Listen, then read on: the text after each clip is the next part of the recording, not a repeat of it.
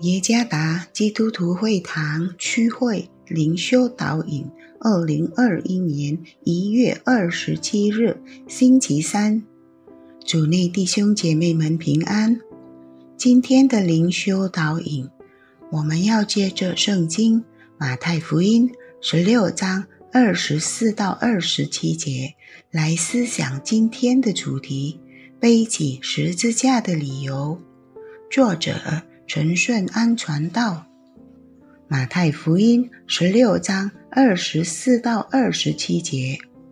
于是耶稣对门徒说：“若有人要跟从我，就当舍己，背起他的十字架来跟从我。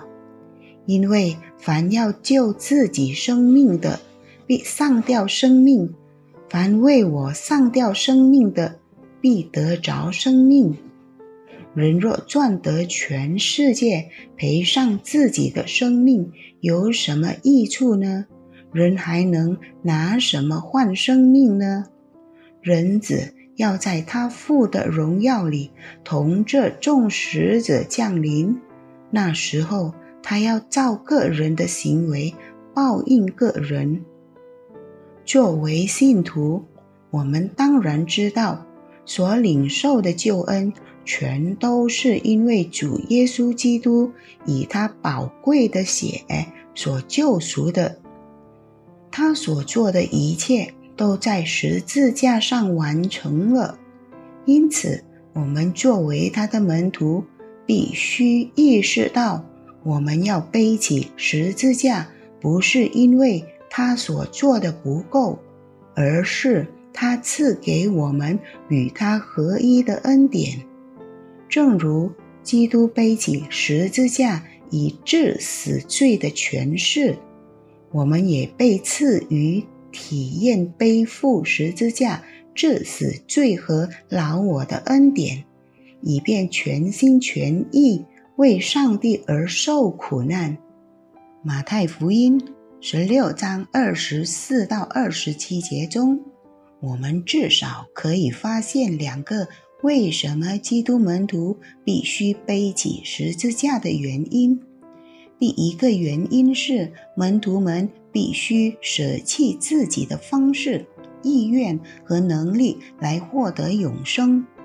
试图用自己的方式、意愿和能力保持或拯救自己生命的人，一定会永远丧掉生命。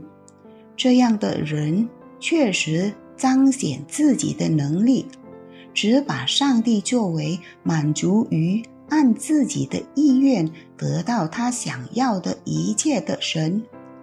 这样的人实际上不想服于上帝，忽略了上帝的方式、旨意和能力。因此，主耶稣提醒门徒，应当背负十字架。以致死自己一切方式作为意愿和能力，以获得真实的生命。这样的生命，他们只能透过上帝在基督耶稣里的方式、旨意和能力来获得。他们作为基督门徒，将来遭受的苦难，被视为一种恩典。而不因为丧生而感到惧怕，在上帝手里，他们的生命被带到天父宝座前，并获得了永生。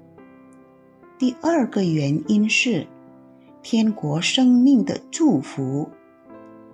主耶稣想强调他们读背起十字架的重要性，因为人子的到来。将照着个人在世上的行为报应个人。门徒为上帝的荣耀而承受的一切苦难，都被基督数算，在上帝的国度里已经为他们预备永恒的荣耀和赏赐。